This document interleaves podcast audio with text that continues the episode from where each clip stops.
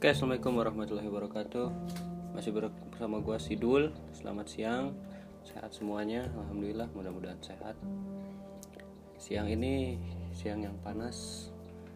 Panasnya menusuk hingga kolbu, kolbuku, masya Allah. Sekarang ini ada lagi, ada yang lagi ini ya, berita yang aneh yang dibaca kemarin-kemarin sih udah lama. Bukan tentang virus corona, tapi tentang assalamualaikum katanya ucapan salam. Jadi katanya ucapan salam ini di Indonesia katanya mau diganti. Diganti sama kepala badan pembina ideologi Pancasila katanya mau diganti assalamualaikum dengan salam Pancasila. Spontan sih gagasan ini langsung jadi kontroversi karena kita udah tahu juga mayoritas di Indonesia ini kan negara Islam ya negara yang mayoritasnya Islam dan pasti orang-orang Islam yang mengucapkan assalamualaikum. Karena itu bukan cuma bahasa sekedar bahasa Arab kan? Tapi itu juga doa gitu. Beda sama salam Pancasila apa salam Pancasila? Jadi kontroversi ini pun hangat banget terutama karena yang bersumber dari sosok yang sama yang pernah ngatain agama ini adalah musuh terbesar Pancasila katanya. Sama orangnya sama ini. Atau ini orangnya kenapa rada error mungkin ya. Ya ungkapan yang ungkapan seorang makhluk gitu yang bisa ngomong kayak gitu nggak nyambung. Bukan kayaknya nggak pantas gitu buat dijadiin kepala badan pembina ideologi Pancasila orang yang kayak sedangkan Pancasila sendiri kan yang pertamanya itu kan ketuhanan yang Maha Esa ya.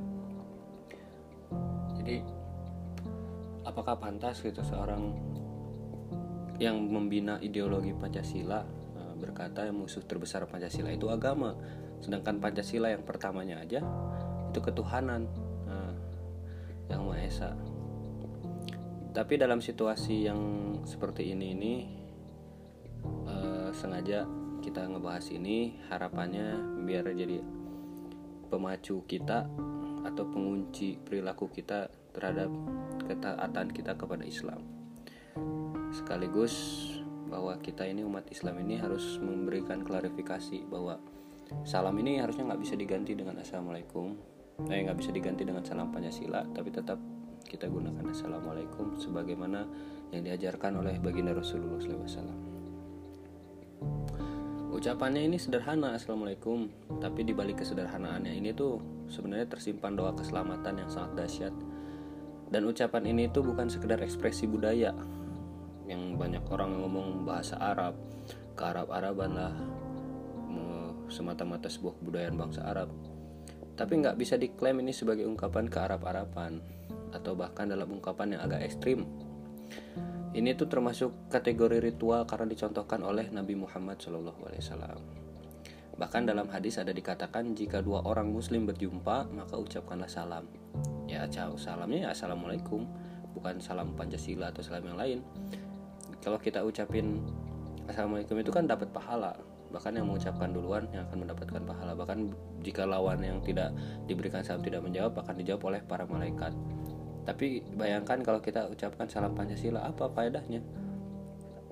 Apa bakal masuk surga dengan kayak gitu? Kan enggak. Dan mereka juga nggak akan ngejawab apa salam Pancasila? katanya. Karena salam ini kan perbuatan dicontohkan Rasulullah SAW maka dibutuhkan konsistensi dalam mengamalkannya. Jadi perlu istiqomah dalam mengucapkannya. Bahkan Allah berfirman dalam surat Al-Aqaf Sesungguhnya orang-orang yang mengatakan Tuhan kami ialah Allah, kemudian mereka tetap istiqomah, maka tidak ada kekhawatiran terhadap mereka dan mereka tidak pula berduka cita. Mereka itulah penghuni surga, mereka kekal di dalamnya sebagai balasan terhadap apa yang telah mereka kerjakan. Surga adalah puncak tujuan hidup manusia, meski tidak boleh mempertuhankan surga, kita nggak boleh mempertuhankan surga karena Tuhan kita ini kan cuma Allah ya. Tapi itu kan jadi simbol kebaikan yang disediakannya terutama bagi orang-orang yang telah berusaha berbuat kebajikan. Bahkan tebarkan salam ini adalah memberikan keselamatan, mendoakan yang diungkapkan dalam hadis kalimatnya diterumuskan dalam bentuk fi'il amr atau dalam bentuk perintah. Nah, barang siapa yang melakukan maka ia akan mendapatkan pahala karena ia berarti telah melaksanakan salah satu perintah Nabi. Dikabarkan juga bahwa Nabi bukan hanya memerintah para pengikutnya, tapi beliau sendiri langsung memberikan contoh uh, bagaimana mengamalkan ucapan salam ini. Setiap kali Nabi dulu ini bertemu dengan siapa pun dan dalam waktu kapan pun, jadi beliau selalu mengucapkan salam. Yang ucapan salamnya juga juga menjadi sum, simbol egalitarianisme uh, karena tidak membeda-bedakan objek di hadapannya. Jadi mau yang kaya mau yang miskin, semuanya mau dia hamba saya, mau bos, mau raja apa, mengucapkan salam. Karena setiap orang dalam posisi yang setara dalam Islam ini sebagai makhluk ciptaan Allah. Tiap-tiap individu ini memiliki hak dan kewajiban yang sama.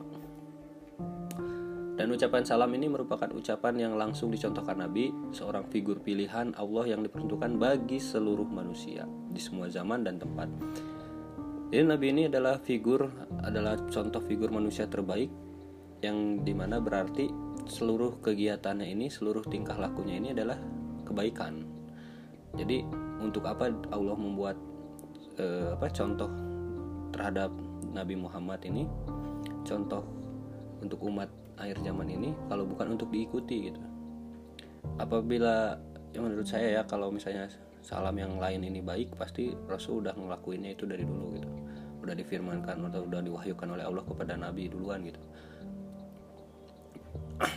jadi setiap contoh Nabi ini tidak terbatas waktu dan warna kebudayaan jadi karena itu jika waktu-waktu muncul, gaga, e, muncul gagasan yang mengganti ucapan salam contohnya dengan ungkapan yang sesuai dengan warna kebudayaan masing-masing maka tak heran jika akan menuai kontroversi yang tidak sederhana. Karena salam ini apa yang dibawa oleh seluruh nabi ini bukan untuk zamannya saja. Apalagi Nabi Muhammad ini bukan untuk zaman zaman dulu saja gitu. Bukan untuk 1000 sekitar 1400 tahun yang lalu saja. Tapi untuk hingga hari kiamat nanti gitu. Waktunya tidak terbatas. Dan untuk seluruh budaya di seluruh mancanegara bahkan di seluruh penjuru dunia. Bahkan pada zaman Gus Dur eh, terlepas dari latar belakang historis yang menjadi alasan penggantiannya pernah muncul gagasan untuk mengganti assalamualaikum dengan ucapan selamat pagi. Jika di pagi hari selamat siang jika di siang hari dan selamat malam jika di malam hari. Eh, gagasan itu memang tidak sempat berusia panjang hanya memakan waktu beberapa saat saja setelah itu hilang lagi. Karena konon katanya ketika itu Gus Dur didatangi oleh oleh orang non Muslim katanya tidak fasih melapalkan ungkapan assalamualaikum e, dia bertanya bagaimana cara mengucapkan yang baik dan benar lalu Gus Dur pun dengan bijaksana memberikan solusi alternatif. Ya ganti saja dengan ucapan selamat pagi katanya. Jadi ucapan salam yang pada waktu itu seolah-olah sudah menjadi ungkapan kebudayaan bangsa Indonesia, membuat risih orang-orang yang tidak atau kurang fasih mengucapkannya. Contohnya kan itu kepada orang non muslim gitu. Eh, sebagai sikap toleran maksud daripada Gus Dur ini karena toleransi kepada non muslim Gus Dur membuka peluang untuk menggantinya dengan ucapan yang lebih familiar dengan lidah dan kebudayaan yang dianutnya tapi kan itu untuk konteksnya ini untuk orang non muslim berbeda de, untuk orang orang muslim sendiri gitu. Kalau orang muslim kan otomatis bisa lah pasti kan. Assalamualaikum karena kita kan diajarin dari dulu kan. Mau pergi sekolah mau keluar rumah mau masuk rumah kepada orang tua kita kan kita udah jadi hampir udah jadi kebiasaan gitu untuk orang Islam ini mengucapkan salam kepada orang tua. Bahkan sampai suntangan kepada orang tua itu kan udah jadi bukan jadi cuma budaya gitu kan tapi memang itu udah udah dididik kita dari kecil seperti itu kan bahkan sebuah penelitian yang dilakukan uh, untuk kebutuhan pembuatan disertasi tentang bahasa pengikat toleransi antar umat beragama ini ditemukan indikasi adanya ungkapan-ungkapan yang dipandang biasa atau bahkan familiar digunakan oleh umat agama apa pun. Uh, misalnya uh, ucapan alhamdulillah, insya Allah dan termasuk ungkapan assalamualaikum ini di Indonesia ini udah banyak bahkan non muslim sudah sering gitu mengucapkan alhamdulillah, insya Allah jika dibuat janji gitu. Tapi meskipun ungkapan itu memiliki akar ajaran umat beragama Islam, tapi karena penggunaannya dalam lingkungan pergaulan sehari-hari umat beragama beragam agama, maka ungkapan itu telah dipersepsi sebagai ungkapan milik masyarakat Indonesia yang berlatar belakang agama apa pun. Jadi udah umum ya sebenarnya. Padahal kita juga sebagai orang muslim ini kalau ketemu orang non muslim kan nggak mungkin juga kita ucapkan assalamualaikum kan palingnya kita juga ngeri selamat pagi kan selamat malam itu kan cuma untuk jadi sebenarnya toleransi ini ya untuk yang lain gitu. Toleransi kita terhadap agama lain kita beri toleransi tapi kan untuk sama muslim ya memang itu toleransinya gitu. Kita harus mengucapkan salam. Ya bagi orang-orang penganut agama Islam ini mengucapkan assalamualaikum ini memang dinilai sebagai perbuatan ibadah juga kan. Karena berarti melaksanakan salah satu contoh Rasulullah teladannya gitu tapi bukan berarti ungkapan diskriminatif bagi orang-orang lain yang tidak mengucapkannya gitu kalau orang kita berhadapan dengan orang non muslim kan bebas-bebas saja mereka mau ucapin salam ke kita atau enggak atau mau pakai good morning kayak selamat pagi kayak apa. Itu kan terserah karena hak mereka sebagai orang non muslim gitu. Dan kita juga nggak wajib untuk menjawabnya kalau dia mereka orang non muslim ini memberikan salam kepada kita assalamualaikum gitu. Karena memang tidak diajarkan juga tapi jika sesama muslim itu bahkan uh, wajib hukumnya menjawab kan Bahkan pada era 1980-an, pernah di antara orang-orang Islam ini merasa malu untuk mengucapkannya di depan publik umum. Sehingga muncul gerakan mengucapkan salam yang waktu itu disponsori oleh kalangan pemuda masjid. Jadi lalu dalam waktu singkat ini masyarakat ucap e, bermasyarakatlah ucapan itu digunakan hampir semua lapisan masyarakat. Akibatnya kan kini ucapan itu seolah-olah telah menjadi bahasa Indonesia. Semua orang, agama apa pun yang dipeluknya terbiasa mengucapkan Assalamualaikum jadi sudahlah ya kini nasi sudah menjadi bubur kan yang terpenting kemudian e, bagaimana semua pihak bisa menata kehidupan yang lebih baik ke depan. Hindari berbicara asal-asalan. Nah berbicara berbicara tanpa perencanaan yang matang ini juga harus dihindari ya berbicara sesuai target yang telah ditetapkan. Jadi sekali lagi kita sebaiknya tetap berhusnuzon tetap berbaik sangka uh, bahwa kekeliruan itu kalau mau disebut sebuah kekeliruan tidak dimaksudkan untuk membuat suasana gaduh. Tidak perlu diperpanjang, titik saja. Nah, tidak perlu ada lagi perdebatan, tidak perlu ada lagi saling tuduh atau saling menyalahkan. Jadi semua kembali pada niat memperbaiki tatanan kehidupan yang lebih baik. Jadi ya kita tetap gunakan untuk orang Islam kita tetap gunakan aja assalamualaikum. Ya, eh, itu kan sudah ya mengucapkan salam ini sunnah dan sedangkan menjawabnya ini wajib jika kita berusaha. Tapi untuk kita kepada orang non muslim yaitu terserah kalian gitu kan masing-masing mau gunakan selamat pagi mau gunakan apa. Dan orang non muslim kepada orang Islam juga ya tidak harus kan gitu. Jadi kecuali kalau mereka ingin ya terserah. Jadi sebenarnya ini kan masalahnya hanya dengan orang Islam sendiri gitu. Jadi tidak ada masalah kalau mau ngomongin toleransi ya kita toleransi tetap kan. Jadi ya kita tahu kan Islam ini kan agama yang damai ya, dan kasih sayang. Islam adalah agama yang senantiasa menyebarkan kedamaian dan ketentraman bagi seluruh umat manusia. Uh, tidak hanya kedamaian bagi umat Islam, tapi juga bagi umat agama lain. Jadi agama Islam itu kan berarti keselamatan, artinya kan keselamatan, kedamaian, ketenangan, dan kesejahteraan. Sudah selayaknya jika setiap muslim ini senantiasa menyebarkan salam dan kedamaian, baik kepada orang yang sudah dikenal, jadi e, mau yang dikenal kita ucapkan salam apalagi yang belum lebih bagus juga kita ucapkan salam. Abdullah bin Amru bin As anhu bertanya pernah kepada Rasulullah SAW bagaimanakah Islam yang baik itu? Nah, lalu dijawab kamu memberi makan dan mengucapkan salam kepada orang yang kamu kenal maupun tidak. Bahkan ini dikatakan oleh Rasulullah mengucapkan salam kepada orang yang kamu kenal maupun tidak. Bahkan Imam Malik dalam kitabnya Al-Muwatta menjelaskan suatu hari Tufail bin Ubay bin Ka'ab menemui Abdullah bin Umar. Lalu dia mengajak Tufail ke pasar. Tufail kemudian bertanya kepada Ibnu Umar, "Apa yang kamu lakukan di pasar nanti?" Nah, sebab aku yakin kamu tidak akan membeli sesuatu atau tidak menawar sesuatu dan tidak akan duduk-duduk saja di pasar. Lebih baik di sini saja kita berbincang-bincang, ujar Tufail. Abdullah menjawab, wahai Abu Batan, panggilan situ file ini ya. Kita pergi ke pasar untuk menyebarluaskan salam, katanya. Kita ucapkan salam kepada siapa saja yang kita jumpai di pasar. E, lihat pula dalam kitab Al-Jami, menyebarluaskan salam adalah perintah Allah dan Rasul Shallallahu Alaihi Wasallam dan dalam Al-Quran, perintah menyebarkan salam itu terdapat pada surat An-Nur ayat 27 dan 61. Bahkan dalam surat An-Nisa ayat 26, 86, surat Az-Zariyat 24 dan 25. Karena itu menyebarkan salam merupakan kewajiban eh, bagi setiap muslim. Abu Umaroh Al-Bara bin Azib radhiallahu berkata, eh, Rasulullah SAW menyuruh kami melaksanakan tujuh hal yakni menjenguk orang yang sakit, mengantarkan jenazah, mendoakan orang yang bersin, menolong orang yang lemah, membantu orang yang teraniaya, menyebarluaskan salam dan menepati janji. Ini dari kitab Mutafak Alaih. Jadi menyebarkan luas salam berarti menyebarluaskan kedamaian dan keselamatan. Karena kita tahu makna dari kalimat Assalamualaikum warahmatullahi wabarakatuh adalah semoga Allah memberikan kedamaian, kesejahteraan, merahmati serta keberkahan kepada kalian semua. Jadi kalimat di atas berarti mengajak eh, kalimat itu tuh berarti mengajak setiap umat dan orang yang mendengarnya untuk senantiasa cinta akan kedamaian dan keselamatan. Dan dengan salam pula e, jadi diharapkan ini nanti seluruh umat akan terhindar dari sikap permusuhan dan kebencian. Karena di mana mana kita nanti ngucapin salam pada orang Islam yang kenal kita salam yang belum kenal kita salam.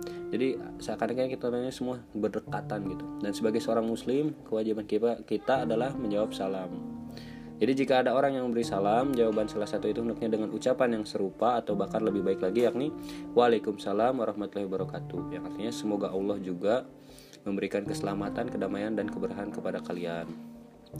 Hanya ada enam golongan yang tidak berkewajiban menjawab salam yang disampaikan kepadanya, yakni orang mati, orang yang tertidur, orang gila, orang tuli, orang bisu, dan orang kafir. Nah, jika kita enggan untuk menjawab salam, maka di manakah kita antara enam golongan tersebut? Semoga Allah merahmati kita semua. Amin ya rabbal alamin.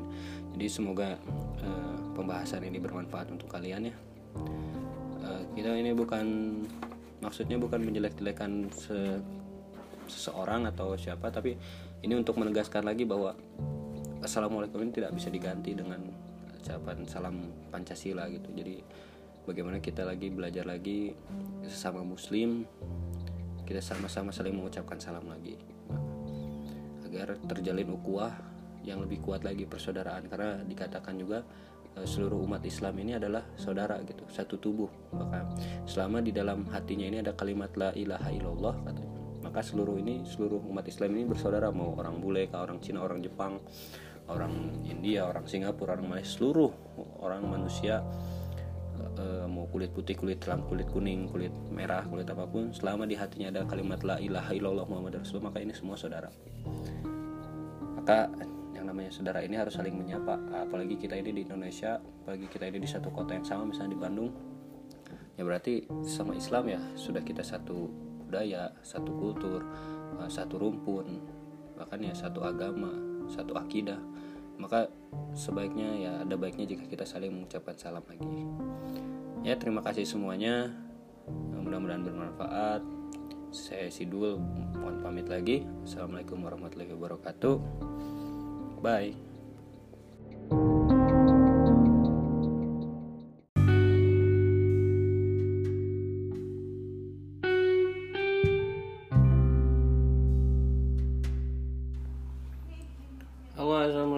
Warahmatullahi wabarakatuh. Selamat sore semuanya. Masih kembali lagi dengan saya eh, Bang Dul. Kali ini hmm, Apa ya Membahas apa ya? Apa aja lah. Tapi kayaknya Malu ya. Kita ini semuanya kan pasti pemalu. Malu itu apa sih? Malu-malu Malu-maluin. Boleh malu karena malu ini kan sebagian dari iman ya malu ini sebagian dari iman asal jangan malu-maluin aja gitu. Sahabat juga dulu punya rasa malu karena malu juga kan adalah salah satu ciri keimanan. Ya contohnya sahabat Utsman bin Affan radhiyallahu anhu yang terkenal dengan sifat malunya. Sehingga para malaikat yang begitu mulia juga malu padanya. Bahkan iblis laknatullah pun malu untuk menggodanya Orang beriman akan malu pada Allah Ta'ala karena merasa bersyukur mendapat kasih sayangnya yang sempurna, ah, selalu dicukupi rezekinya, diberi curahan nikmat dari segala penjuru. Sehingga malu jika tidak taat pada Allah Ta'ala. Malu kalau nggak nurut sama perintahnya, sangat malu jika sampai kita berbuat maksiat. Itulah malu. Malu kalau nggak yakin sempurna kepadanya, sementara pembuktian kekuasaannya dan kebenarannya tak henti-henti diperlihatkan dan dibuktikan. Kita juga harus malu kalau nggak sholat, padahal sholat adalah pertemuan hamba dengan Tuhannya. Sholat untuk kebaikan kita sendiri dalam rangka mencegah perbuatan keji dan mungkar. Sholat menyelesaikan segala permasalahan kita. Sholat adalah tiang agama. Tegakah kita meruntuhkan agama yang mulia ini dengan merobohkan tiangnya yaitu sholat? Malu masih mau memilih yang haram, sementara Allah sediakan banyak pilihan yang halal. Malu kalau susah maafin kesalahan orang lain, sementara Allah Maha Pemaaf dan Pengampun dan mencintai hambanya yang bertobat sungguh-sungguh, sekalipun dosa-dosanya sebanyak buih-buih ombak di lautan. Malu minta-minta dan berharap kepada makhluk, padahal Allah yang Maha Kaya, Maha Pemberi, Maha Pengasih dan Penyayang, dan Allah senang dipinta dan janjinya pasti.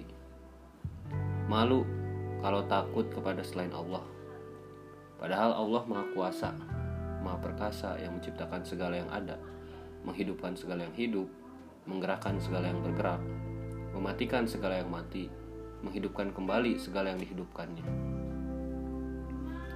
Malu jika akhlak buruk karena agama ini mengajarkan segala kebenaran, kebaikan, dan keindahan, memberi petunjuk selamat alam dunia yang sekejap ini dan akhirat yang abadi. Malu jika nggak dakwah atau ngajak kepada kebaikan. Nggak mau berbagi kebaik nggak mau berbagi kebaikan sementara kita merasakan lezatnya iman dan amal soleh. Kita paham jalan selamat dunia akhirat. Malu pada Rasulullah SAW dan para sahabat radhiyallahu anhum dan orang-orang yang mengikutinya yang mana mereka pernah mengorbankan segalanya demi menyelamatkan sebanyak-banyaknya umat sampai dengan akhir zaman.